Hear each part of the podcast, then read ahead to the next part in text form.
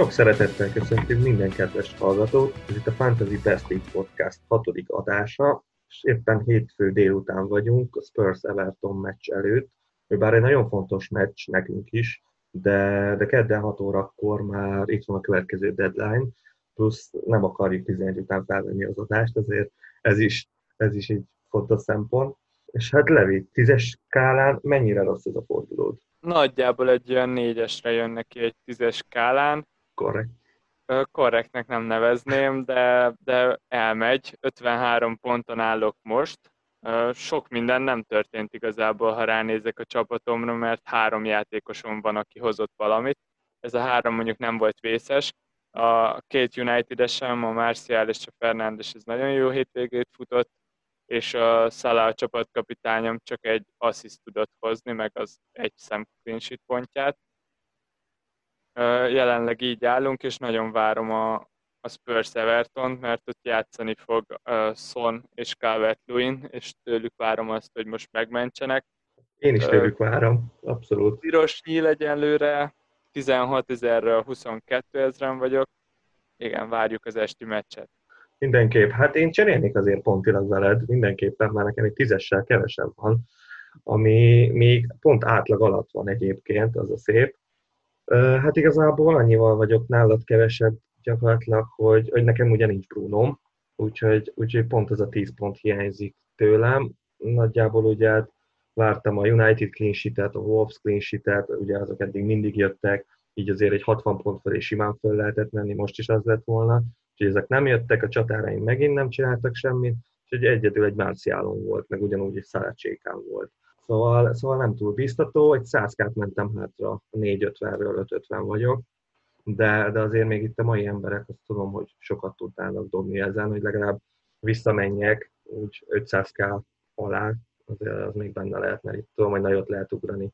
És hát ugye, ahogy mondtam a podcast elején, hogy a Spurs Everton meccs előtt vesztük fel, de, de természetesen mind a ketten fogjuk nézni, meg Discordon folyamatosan szoktunk a meccsekről beszélni, úgyhogy, úgyhogy mindenképp várunk titeket, hogy, hogy gyertek a Discordra, ha még esetleg a meccs előtt halljátok ezt az adást.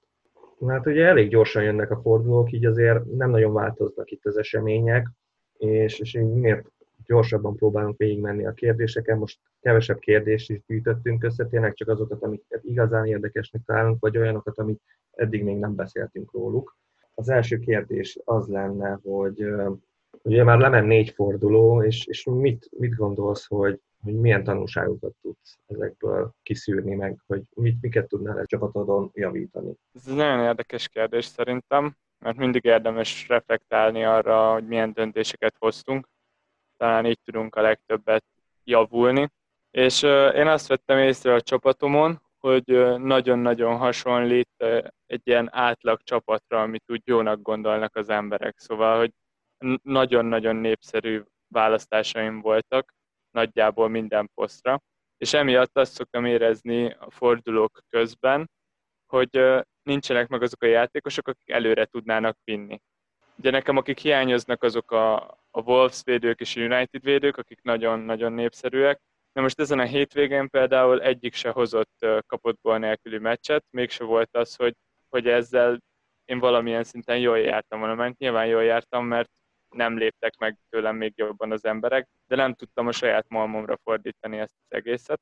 Igen, de tudod, én mindig a védőkkel úgy vagyok egyébként, hogy, hogyha te, mondjuk most ugye most a Wolves meg a United néz ki a legjobban védőügyileg, és ezek olyan előnyt jelentenek, hogy csak stabilitás. Tehát igazából most ezekkel, ha mondjuk berak valaki négyet, mondjuk kettő-kettőt mind a kettőből, és, és akkor mondjuk legalább azt gondolja, hogy egy clean hoz az egyik csapat, akkor mondjuk ott van, hogy van 16 pontja. Szóval azért, és érted, azért egy, egy jó játékos önmaga tud ennyit hozni.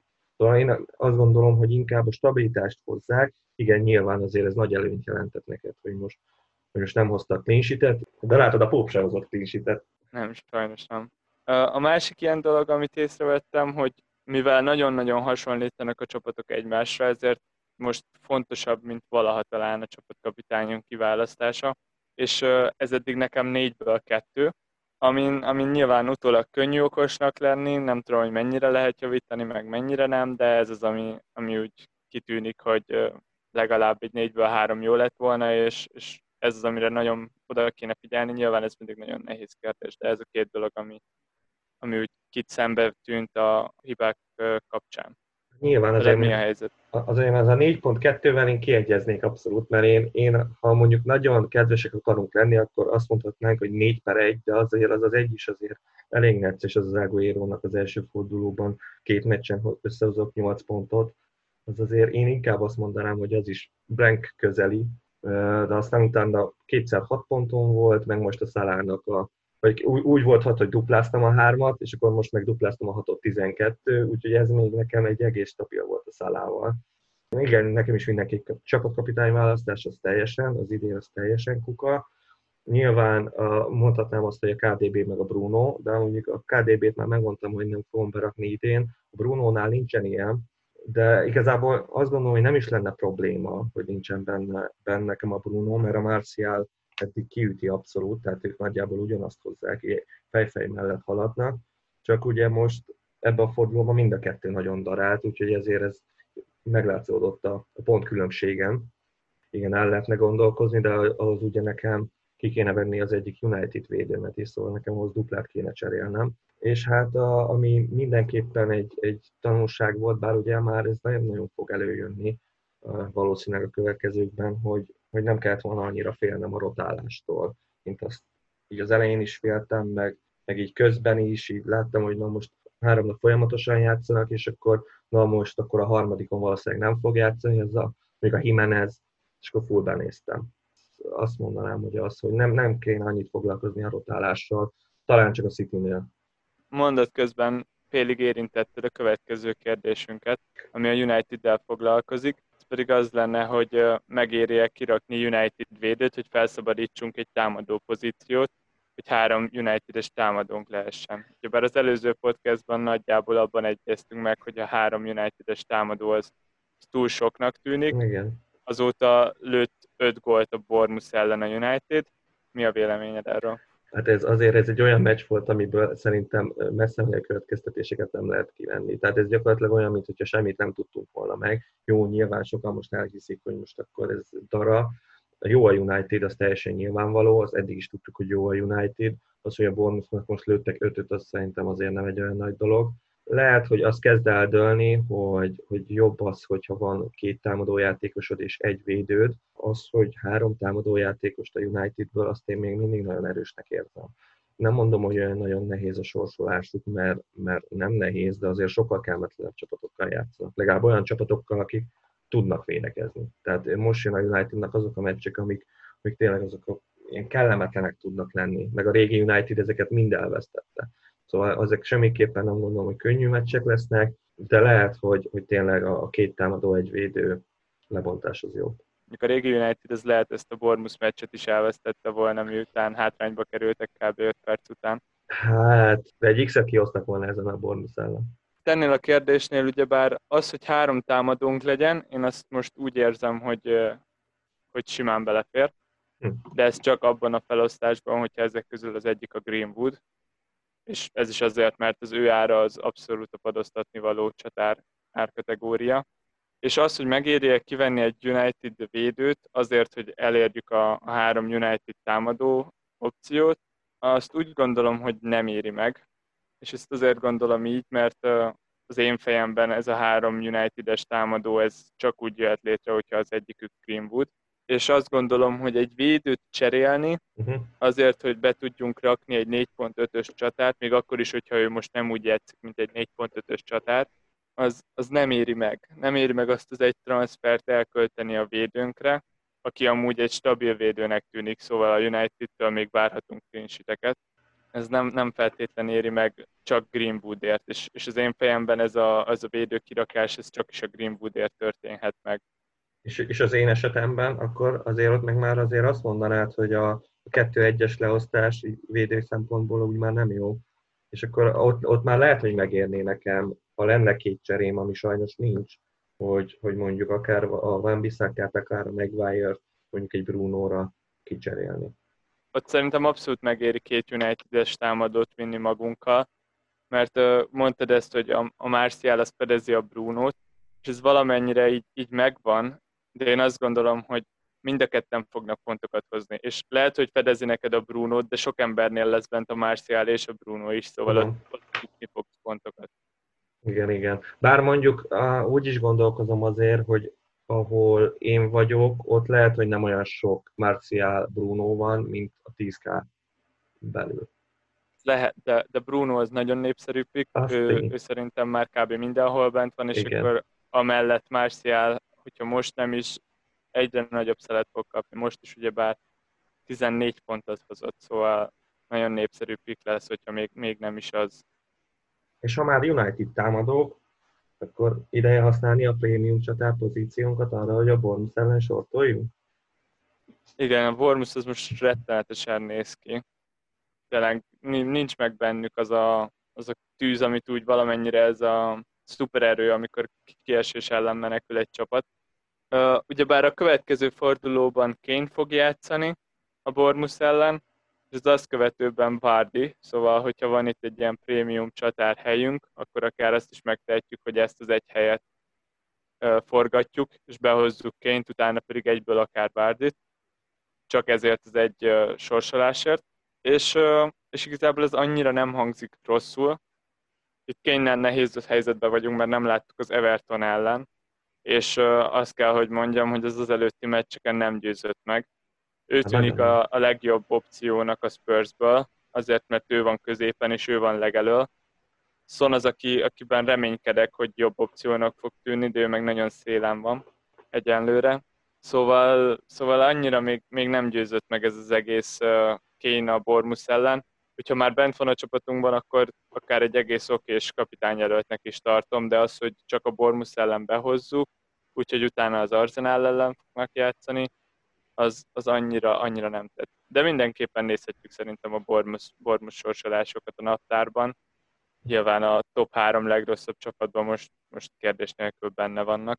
Szerintem a legrosszabb. Szerintem abszolút a legrosszabb. A, a Norwich, legalább a Norwichban érzem azt, hogy, hogy ott ők, ők azért így próbálkoznak. Tehát most a Brighton ellen is legalább, legalább egy helyzetük van. Jó, most jó, a Bormus is lőtt két volt a Unitednek, de az, az nem a Bournemouth érdeme volt, hanem a United védőké. Szóval igen, mindenképpen opció. Annyira opció, hogyha ha nekem 0-1-el több lenne a bankban, akkor a Jesus kénycsere az már lehet, hogy megtörtént volna nálam. Így még mindig gondolkozok, hogy mit csináljak. Úgyhogy szerintem az egy, az egy jó húzás lenne. Aztán az, hogy utána így folyamatosan cserélni, a, hogy a Wardira utána rácserélni, és értem, hogy a Kén utána az Arsenal ellen játszik, de például a, még ugye jó, tény, hogy nem láttuk a Spurs-t játszani, de a Spursben azért, főleg a mostani Spursben, még így is azért a quality érzem azt, hogy, hogy egy ötös tudnának vágni ennek a Bournemouthnak, míg, míg a Leicester,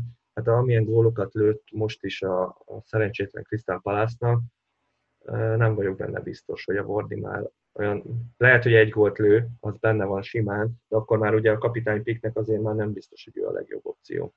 Igen, itt a Wardy a Palace ellen duplázott, és keményen rám cáfolt. Ja, igen. Az előző, előző adásban mondtam, hogy akár még a Palace ellen is kivenném, hogyha bent lenne nálam. De, de védelmemben csak annyit, hogy, hogy nagyon rossz gólok voltak. Szóval... De rossz. Szákó elcsúszik. De nem is elcsúszik, hanem így igazából összeesik. És aztán utána belövi üres kapura, és aztán meg a tipik kontragolt meglövi, amikor szerencsétlen Szákó igen, 94. percben. Igen. Szóval nem, nem olyan ismételhető góloknak tűntek. Nyilván lehet most egy gát átszakadt benne, mert nagyon kereste ezt a századik Premier League gólját, az, az biztos, hogy meg volt benne eddig. Nagyon ingerült is volt a, az első gólja előtt, az egész amikor meccsen. még nem sikerült betalálnia, de, de még, még, még több kell azért. Volt nekünk itt egy Newcastle West Ham United 2-2-es mérkőzésünk. Örök kedvenc Abszolút. És itt annyit szeretnék kérdezni igazából, hogy Szócsek az a cseh Fellaini? Cseh Fellaini? Hát nagyon úgy néz ki. Hát ha, ha azt veszük, hogy igazából utóbbi három meccsen lőtt egy öngólt, lőtt három gólt, amiből kettőt megadtak. Szóval azért ez egy tipik Fellaini stat. Egy, egy ilyen prime Fellaini ezt simán tudja hozni, de azért, ha viccet félretesszük, azért egy FPL piknek nem mondanak. Tehát egy magas srác, meg valahogy mindig kijött neki a szögletre, úgyhogy vagy öngolt lő, vagy gólt lő. teljesen hihetetlen, és akkor vagy megadják, vagy nem, de azért, de azért itt a West Ham, ha már a West Hamről van szó, itt azért van két olyan opció, akik sokkal jobbnak tűnnek, mint FPL pick. Az még így is van, mert azért a West Hamből szerintem top 10 nem sok ember rak be játékos, bár láttam, hogy a Kárzen berakta az Antóniót, és látod, lőtt is egy gólt. Úgyhogy egyik lenne az Antónió, másik pedig a Bowen, akik szerintem nem rossz opció. Nem tudom. De valószínűleg nem vagy ez a játékos, aki ezeket behúzza. Igen, igen, én távolról figyelem a West Ham United meccseket. Lakiba. Szóval hát én, én bevallom őszintén elgondolkoztam, mert én a, ebben a fordulóban a szárt hoztam be, és az Antonio abszolút rajta volt. Nyilván a Bowen is, de én az Antonio az azért egy jobb pick, ő a csatár ebben a csapatban. Bár ugye az is kérdés, hogy, hogy most a Haller visszatérőben van, és hogy most akkor egyértelmű, hogy rosszabb választás a Haller, mint a, mint a West Ham csatárának is, nem csak FPL pickként. Tehát hogy ő, én azt gondolom, hogy de mégiscsak egy 40 milliós játékos, akit azért a Moiszi nem biztos, hogy lesz olyan erős, hogy kihagyja. Szóval gondolkoztam az Antonion, de aztán még ő túl drágának tartottam, így nem raktam be. És ha a podcast elején mondtam, hogy ugye nagyon új témákról, vagy hát próbálnak új témákat elővenni, de azért van ez a William Pulisic kérdés, ami az előző podcastban is felmerült, akkor volt egy egyértelmű állításod, ezen változtatsz? Tartom. Igazából az, hogy kapott még egy büntetőt a Chelsea, és ezt belőtte a Willian, ez, ez annyira még nem győzött meg. Basszus, hát Most jó. Zsinórban három meccsen, három Premier League meccsen lőtt egy-egy büntető gólt a Willian, és ezzel igazából szerintem ott top három környékén lehet a szerzett pontok terén az újraindulást követően, de ettől függetlenül ez, ez nekem abszolút egy ilyen csapdának tűnik, ami sok pont látványára be lehet hozni, de nyilván kételkedek abban, hogy a következő három meccsen is kapni fog 3-11-est a Chelsea. Hát a United szurkolóként nem kéne kételkedni ilyenekben, én ezzel láttam már ilyet. Tehát azért ez nem egy olyan ördögtől való dolog, hogy na, fú, már megint kap egy 11-est ez a csapat. Előfordulhat, és tényleg például ezen a héten, amire kapták, a kapu elképesztő volt. Tényleg. Hát, nem is értem. Nem is értem. De a kapunak van ilyen, hogy így elszáll az agya, és akkor gondol egyet, és akkor főrúg valakit. De amúgy tényleg arról nem is beszéltünk, hogy ugye a Chelsea-nél, hát jó, azért itt se teljesen egyértelmű ez a történet, mert azért, azért ha itt a Jorginho visszakerül, akkor már lehet, hogy, lehet, hogy ő visszakapja, bár ugye a William most hármat belőtt, úgyhogy lehet, hogy nem lenne szíve odaadni a Zsorzsinyónak, bár aki valószínűleg jobban lövi, vagy hát mondjuk a William is teljesen jól lövi. Na de a lényeg a lényeg, hogy a, mi van a United-nél akkor most. Kilövi a tiziket. Mert ugye azt gondoltuk, hogy a Bruno lövi, aztán utána, utána sokáig nem kapott tizit a United, és mi csoda, és aztán utána most meg a Rashford kapta a tizit. Igen, ezt a Spurs ellen már tudtuk, hogy, hogy vegyes lövések vannak a Unitednél. Nyilván azt nem tudjuk, hogy ez olyan mint a Wolvesnál, hogy oda visszacserélik. Bár a Wolverhamptonnál a Jimenez meg a Neves ez konkrétan egyik a másik után lövi a 11-eseket. Passz, itt, itt ugyebár most a Rashfordnak kellett is a gól, szóval lehet, hogy nem csak a sorrend miatt jött ő, hanem, hanem mert kellett neki. Nyilván az látszik, hogy nem az eredménytől függ, mert most itt uh, még abszolút meccsben volt a Bormus, amikor Rashford lőtte a 11-esét. Igen, papíron. Ezt nem lehet tudni, és nem is lehet rá alapozni. Mind a ketten, hogyha még lenne 4-11-es, akkor mind a kettőjük lőnének belőlük. Szerintem kettőt-kettőt. És mit gondolsz a Chelsea-nél? A Chelsea-nél, Chelsea-nél szerintem most nehéz lenne elvenni Williantól, pont, hogy így Igen. három fordulóban egymás után lövölgette be őket, és ő neki ez az utolsó Chelsea szezonja. Szerintem ő lőni el, hogyha Jorginho a pályán lenne akkor is. Az, de, de ennyire, ennyire nem érdemes a 11-esekre alapozni. Nyilván most a Williant csak azért raknánk be, mert alapozunk egy Chelsea 11-esre, akkor a Miljovic-et is berakhatnánk. Nem, nem, a következő fordulóban nem fog 11-est kapni a Chelsea. Ezt így, ezt így kimered jelenteni? Igen, ezt most itt felvétel alatt mondom. Ez azért nagyon erős, nagyon erős. Jó, hát én meg azt tudja, hogy kimerem jelenteni, hogy a Manchester United viszont kapni fog 11-est. szóval a Bruno mindenki a csapatába. Igen, ez csak nem ironikusan. Szóval a következő kérdésünk az kicsit személyeskedőnek fog tűnni, de, de ne haragudj meg rám. A helyzet az, hogy az újraindulást követően Szár az konkrétan semmit sem csinált. És mi az oka annak, hogy, hogy mégis bizalmat szavaztál neki, és, és bízzunk-e még benne? Mi a helyzet Szárral? A Szárral igazából itt nem annyira statisztikákra alapoztam ezt a döntést, inkább arra alapoztam, hogy, hogy a Watford szerintem biztos ben fog maradni. Persze elnézve a többi csapatot, lehet, hogy ahhoz egyetlen egy meccset se kell nyerni a következő haton.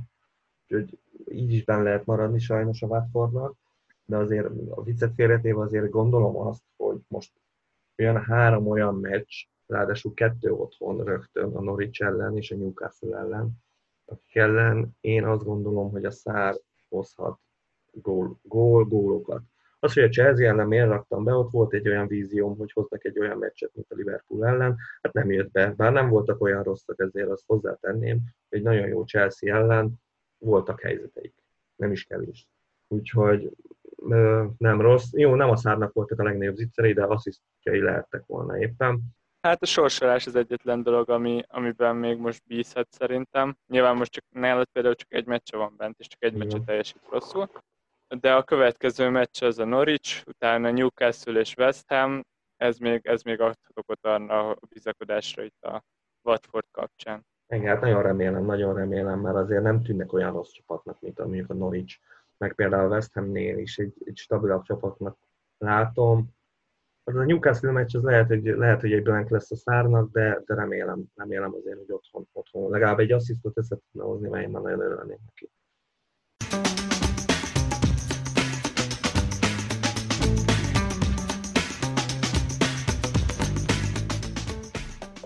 És hát a következő kérdés, ez szerintem egyikükre se igaz, húzottam, de azért van jó pár csapat, aki, neki menedzser, aki elég sokat költ a padjára.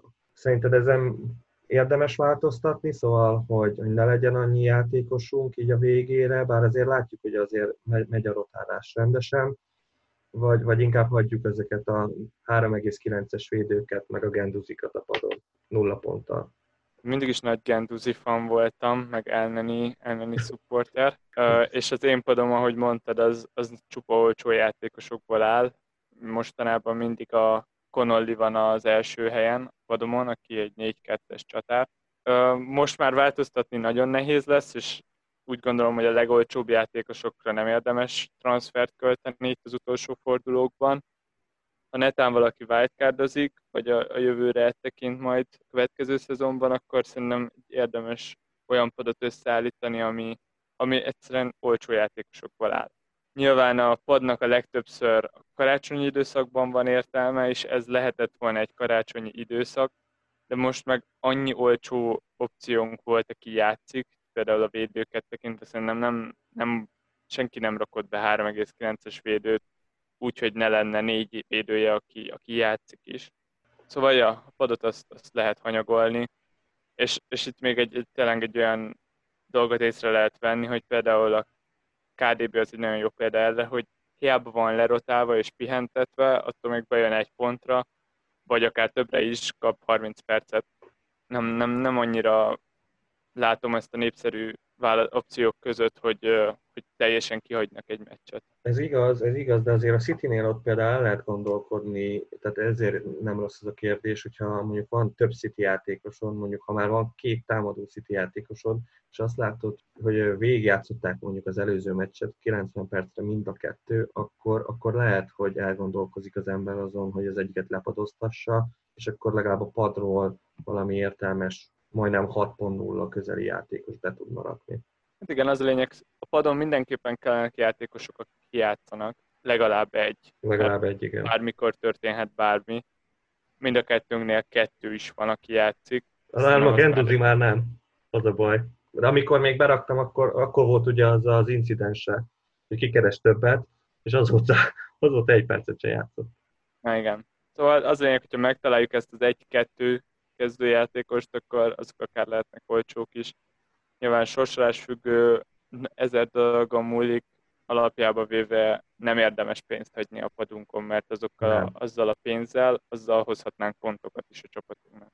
Na hát ezek voltak a kérdések, és pár gondolata az előző hét meccseiről, amikről, úgy, vagy csapatairól, akikről nem igazán beszéltünk. Tehát kezdjük is először a Wolves Arzenállal. Hát sok érdekesség van szerintem mindkét oldalon. Nálam az, hogy persze a Wolvesnak sose volt túl jó a támadójátéka, ez teljesen nyilvánvaló, de hogy most ezen a meccsen is egyszerűen a Traoré volt az egyetlen veszélyfaktor ennek a csapatnak, és ő úgy játszottak most, hogy maradtak 3-5-2-ben, csak most ugye a Traorét egy effektíve Jimenez melletti csatárnak rakta be a Nuno, és így a Zsota nem játszott, és, és a Jimenezre van ez, hogy, hogy most én nem, nem tudom, elbizonytalanodtam benne, ugye még az előző mondjuk két het, tehát nem két hetel, hanem mondjuk két fordulóval ezelőtt abszolút úgy voltam vele, hogy a Jimenez ez egy stabil pont, ami ott a csatársorban, ugye beszéltük, hogy nem is nagyon vannak csatárok, és most már kezdem a Jimenez-t is odarakni, hogy nem is biztos, hogy olyan, olyan tuti pick. Én még mindig nagyon bízok benne, a Wolves sorsolása az, az több, mint kedvező, és ő ilyen játékos, ő képes eltűnni két meccsre, vagy nem is az eltűnés a legjobb szó, de hogy nem hoz semmit. Amikor hoz, olyankor is általában hoz egy asszisztot, utána hoz egy gólt, utána nem hoz semmit, utána még egy asszisztot. Rengeteg 5 pontos meccse van, meg 6 pontos meccse. Ez az igazi iparos játékos, iparos FPL játékos, de az ára az még mindig csak 8 millió. Pénzünk azt szerintem az évnek ebben az időszakában van bőven. Szóval nekem ő még mindig nagyon tetszik. Én kicsit elbizonytalanodtam, de a mai meccs dönti el szerintem ott a, ott a dolgot, hogy most a calvert vagy a Jimenez, mert alapvetően azt gondolom, hogy a calvert is 6.4 ér ugyanezt várnánk, mint a Jimenez-től, csak ugye ő nem hozza, de ha mondjuk a mai meccsen elkezd valamit megmutatni abból, amit várunk, akkor szerintem lehet, hogy én kiváltom rá Jimenezre. Na és akkor az Arsenalra, hát az már egy érdekesebb dolog, ott ugye a Szaká lehet egy nagy csapda, mert ő például csak azért játszott, mert a Pepének gyereke született, így, így őt, őt nem nevezték erre a meccsre, és ő ott, ott játszott most jobb szélen, szerintem soha nem játszott még az Arzenálban jobb szélen, maximum Európa Liga meccsen, és az az érdekes a Szakával, hogy, hogy egy nagyon jó játékos, meg ugye most hosszabbított, most lőtte meg az első Premier League gólját, plusz ugye nagyon olcsó középpályás, csak hogy, hogy a, nem biztos, hogy még most megvan a pontos posztja ebben, a, ebben az árzenálban,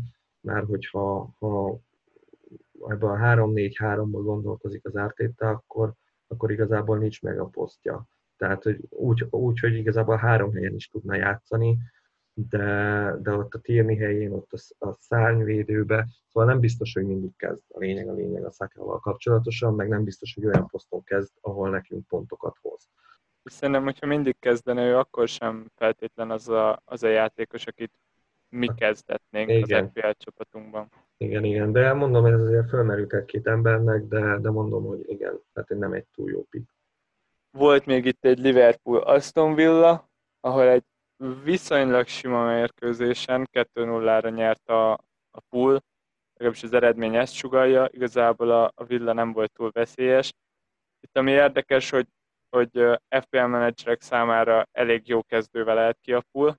Szerintem a legtöbben azok örültek, amikor meglátták a kezdőt. Itt ugye bár Firmino hiányzott a támadó hármasból, de a, legtöbben úgyse a Firminóra voksoltunk, hanem a Manéra meg a Szálára de aggodalmat keltő volt ez a meccs, szerintem, Mindenképp. elég sokunknak. Itt ugye bár én például egy, sőt mind a ketten, mind a Szalá csapatkapitányjal mentünk, mentünk neki a fordulónak, és, és jelenleg nem érzem úgy, hogy, hogy megraknám Szalát még egyszer csapatkapitánynak itt az elkövetkezendő öt fordulóban. Nyilván ebben benne van az, hogy, hogy várom azt, hogy lesz olyan meccs, amikor nem kezd, ettől függetlenül nem, nem biztos, hogy azon a meccsen be fog jönni, de nyilván mindig benne van egy ilyesmi kavarás, és bajnok a pool, szóval... Tény, és akkor nem jön az a kérdés, hogy 12-6 ért nem drága egy játékost, akit nem raksz meg Csékának? Jogos a kérdés. Egyenlőre nem érzem azt, hogy hol tudnám elkölteni jobban ezt a pénzt. Nyilván a legmotiváltabb csapatok azok, akik a BL-ért mennek, ott jól néz ki a Chelsea is, meg a United is, de a Unitednek a két legjobb játékosa az 9 millió alatt van. Szóval könnyen voltam. meg tudom engedni azokat a játékosokat, akiket igazán akarok, és egy szalát, akitől lehet, hogy csak egy gólt, egy asszisztot, egy gólt, még egy asszisztot várok fordulónként. Szóval egyenlőre még abszolút nem zavar a csapatomban, de, de nem érzem azt, hogy, hogy hogy megéri izgulnom a Liverpool kezdő 11 -e előtt, és a meccs közben, hogy, hogy mennyire, mennyire akarja ezt a pool.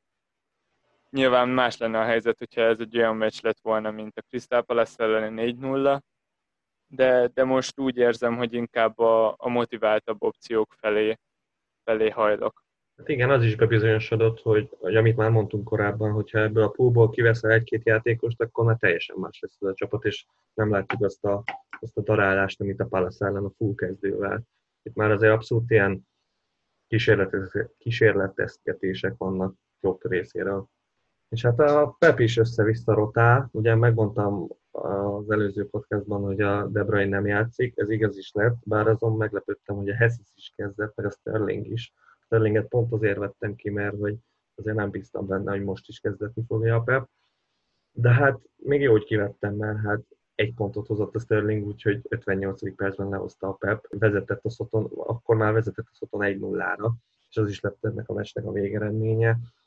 Kicsit És már ezt ugyanígy hozta le. És már ezt ugyanígy hozta le, úgyhogy nem igazán tudom, hogy most ott a Pep, ő, ne, ő agyában biztos, hogy megvannak ezek a gondolatok, hogy mit vár el, meg hogy mikor akarja bevonni az embereket, de, de hogy én nekem nem világos, az nagyon durva.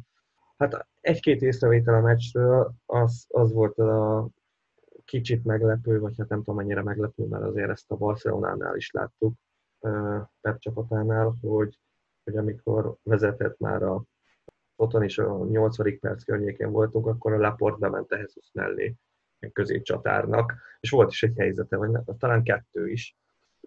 Nyilván ez nem fog túl sokszor megtörténni, de, de ezt még eddig nem vettem észre a City meccsen. Igen, és itt Láport ugyebár az egyetlen olyan opció a védelemből, aki egész, egészen azt várjuk, hogy többet játszik, mint a többiek. Nyilván az összes többi opció az folyamatosan cserélgetve lesz. Ő is, ő is fog kihagyni meccset, én most ezt érzem, de valószínűleg kevesebbet, mint a többiek, és a, a City az kapott gól nélküli meccsekre nem néz ki rosszul. Könnyű a sorsolás. A sorsolásuk az jó, és tényleg most is rengeteg nagyon jó helyzetük volt, szóval nem jött össze a gól, de nagyon jó, jó meccse volt a mccarthy meg, meg nagyon sokat hagytak ki a City játékosok, szóval abszolút nem volt ijesztő a meccs olyan szempontból, hogyha valakinek nem csak a De Bruyne van bent, akkor, akkor nagyon félnie kéne, mert, mert lehettek volna itt gólok. Még mindig nem érzem azt, hogy, hogy egy Mares például, vagy egy Jesus miért rakjunk be, ők, ők egyenlőre nem hozzák azokat a pontokat, ami, ami, amit kéne nekik, főleg így a rotálás fényében. Sterling meg, meg nagyjából erre gondoltam, amikor, amikor a szalára kérdeztél rá, ugyanabban az árkategóriában van, néha nem fog játszani, néha nem lecserélik, pont mint a szalát, és alapjában véve jobb játékosnak gondolom a szalát, szóval nincs meg az a, az, az él a Sterlingbe, hogy, hogy én elgondolkozzak, hogy inkább ráköltsek. Igen, hát ez nem, ezzel nem tudok vitatkozni. A jesus én megküzdök, tehát abszolút nem tudom, hogy mit kezdjek vele. Majd talán holnap erről fogalmam sincs. De azt nem értem egyébként, hogy hogy, hogy tudta lehozni ez a Szoton védelem clean sheet a City ellen, tehát ez döbbenet. Döbbenet. Foci. foci. Ez foci. Pep foci. Chadams berakjuk?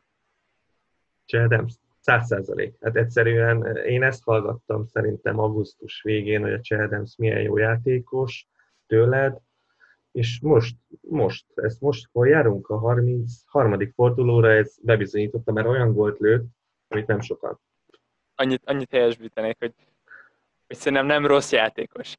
Nem, nem azt mondtam, hogy, hogy ő egy nagyon-nagyon jó játékos, de, de mindenképpen többet tud a, a nulla góljánál, amit, amit e, az előtti fordulókban. Ez igaz, de azt is tudom, hogy a vasliszteben rajta volt.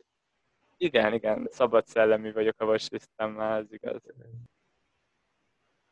Az előző hét meccseiről térjünk át az előttünk álló hétközi fordulóra. Milyen kapitányjelölteket látsz, melyik meccseket várod a legjobban? Hát itt három meccs van nekem itt, ilyen, inkább kettő, de ezt kibővítettem háromra. Van először is nyilván a Bournemouth Spurs, ez teljesen alap. Akkor van egy Aston Villa Manchester United, és itt Watford Norwich. Hát ugye is kezdjük először is a Bournemouth Spurs-el. szerintem aki úgy akar kapitányt választani, hogy nem a Unitedből, lassan már minden héten így futunk neki egy következő fordulónak, az szerintem a, a legjobb választás erre a Spurs. És nyilván természetesen mindig ott van, hogy meg kell várnunk a, az esti meccset, de így egyelőre úgy tűnik, hogy a Kén jobb választásnak tűnik, mint a Son. Olyan is szerintem. Egyetetek. Túlságosan is a szélem van Son. Nagyon-nagyon a szélem van. És támadáskor sokszor bemegy középre, ugyebár egy ilyen második hullámnak hátrébb kerül, jobb pillanatokban ott a tízes pozíció környékén van. Nem tudom, hogy milyen hatással lesz az, hogy most az Alli nem lesz. Szerintem kb. semmilyen hatással nem lesz a szonra.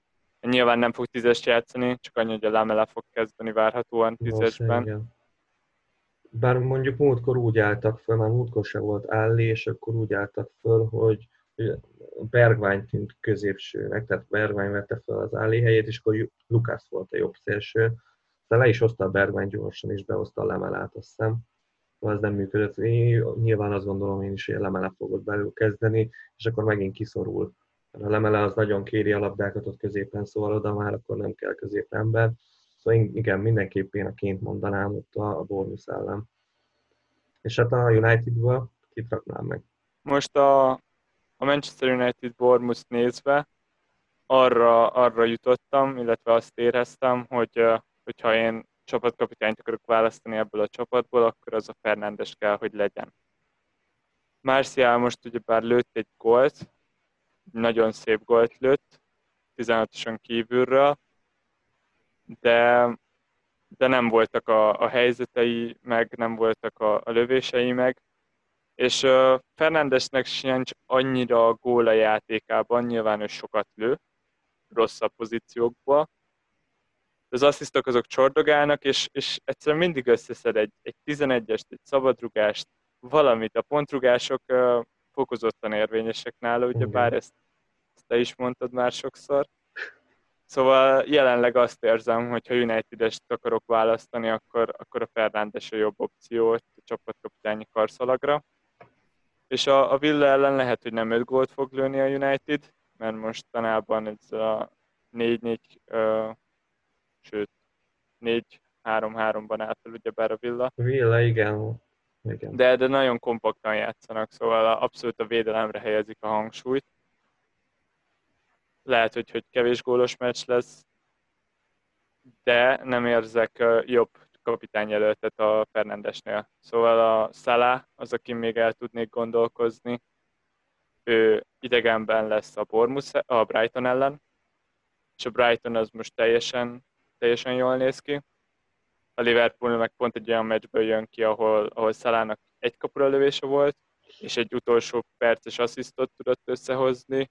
Szalánál jobb kapitánynak látom a ként, de, de kény nekem nincs meg, nem is lesz meg. Szóval marad a United, hajrá United. Hajrá United, és hát én azért mondtam a Watford Norwichot, mert én kőkeményen elgondolkoztam, hogy ha már ben van nekem a szár, akkor miért ne rakjuk meg Csékának? Ugye beszéltünk róla, hogy mennyire rossz formában van, vagy hát igazából nem csinált még semmit az újraindulás óta, de most várom azt, hogy na, boom, két gól, Cséká, hajrá! Igen, itt érdekes, hogy megint a Bormus, Aston Villa, Norwichot uh, szemeztük ki magunknak, nyilván ez nem túl meglepő. A city közül szoktunk még válogatni csapatkapitányt, na hát ők a Newcastle ellen fognak játszani, és az, az egy olyan sorsolás, ami, ami abszolút nem fekszik a Citynek. Az nagyon nem. Az nagyon nem, az nagyon küzdős. Ott, ott tényleg, ha, ha ott nye, egyáltalán nyerni akarnak, akkor is fel kell rakni a szinte a legjobb kezdőjét, mert például, ha ugyanazt a kezdőt rakja fel, mint amit múlt héten, vagy most az előző fordulóban, akkor még azt is meg tudom jósolni, hogy, hogy akár ez így is lehet ott az Etihadban mert ez a Newcastle teljesen rendben van. Tehát, hogy ez, ez dara. Úgyhogy még a Szent Maxim most az előző fordulóban, a két gólban nem is volt benne. Igen, érdekes, hogy nélküle is tud gólt lőni a Newcastle, ezt, ezt három hónappal ezelőtt még nem gondoltuk volna. Nem gondoltuk volna, és látod, egyszerűen ez, ez a félelmetes ebben a csapatban. Hogy tetszik a csapatod a következő fordulóra? Tervezett cserélni? Hát nagyon nagy gondolkodóban vagyok mindenképpen, ha cserélek, akkor csatát fogok cserélni, a száz százalék. de azért nem vagyok benne biztos, hogy, hogy most cserélnem kell, mert például a csatáraim is, ugye a calvert van, az otthon játszik a Southamptonnal, nem a legjobb, de ugye majd látjuk ezt az Everton este. Ott van Jesus a Newcastle ellen otthon, ami ugye mondtuk, hogy hát a Castle nem egy kellemes csapat, és hát nem Jesus fogott majd ott találni. És ott van még a Jimenez, akivel ugye bajban vagyok egy kicsit, de még nyilván azért a két játékos közül ő tűnik a legjobbnak, szóval azért azon meglepődnék, hogyha arra a döntésre jutnék, hogy a Jimenez kiveszem és behozok helyette valakit, de hát is kit is lehetne behozni. Az a baj, hogy pont az Aubameyang meg a, meg a Ként 10-9-ért pont nem tudom behozni a Jesus helyére, úgyhogy ezek valószínűleg ki vannak lőve, mert egyik se ér annyit, hogy mínusz négyért behozzam és akkor maradt két csatár opció, ami az egyik a Danny Ings, a másik meg a Jamie Wardy, ugye ők mennek a gólkirályi címért. Egyiknek se a legjobb a sorsolása, de talán a Wardynak egy kicsit jobban néz ki, ezért így ő, ő van most ott a watchlistem elején. Hát nem vagyok benne biztos, hogy azért behozom őt, akár a calvert amikor ő helyére nem is tudnám, csak a Jesus helyére, abban nem vagyok biztos, hogy a Jesus helyére behozom, mert, mert akár az is lehet, hogy ehhez lepadoztatom a Newcastle ellen, és akkor négy védővel állok fel, a két United, meg a két Wolvesosommal. De, de mi van veled? Én is a calvert keresem a pótlását, főleg, hogyha nem fog meggyőzni a Spurs ellen. Ott, ott erőteljesen gondolkozok a Greenwoodon.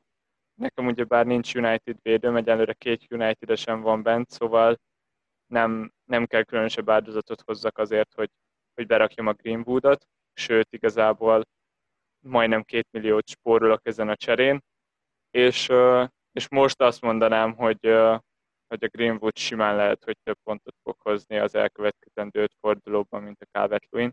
Hm. Érdekes. De benne van. Tény. És a, a másik játékos a mai meccsről, aki még gondolkozok, az a Son.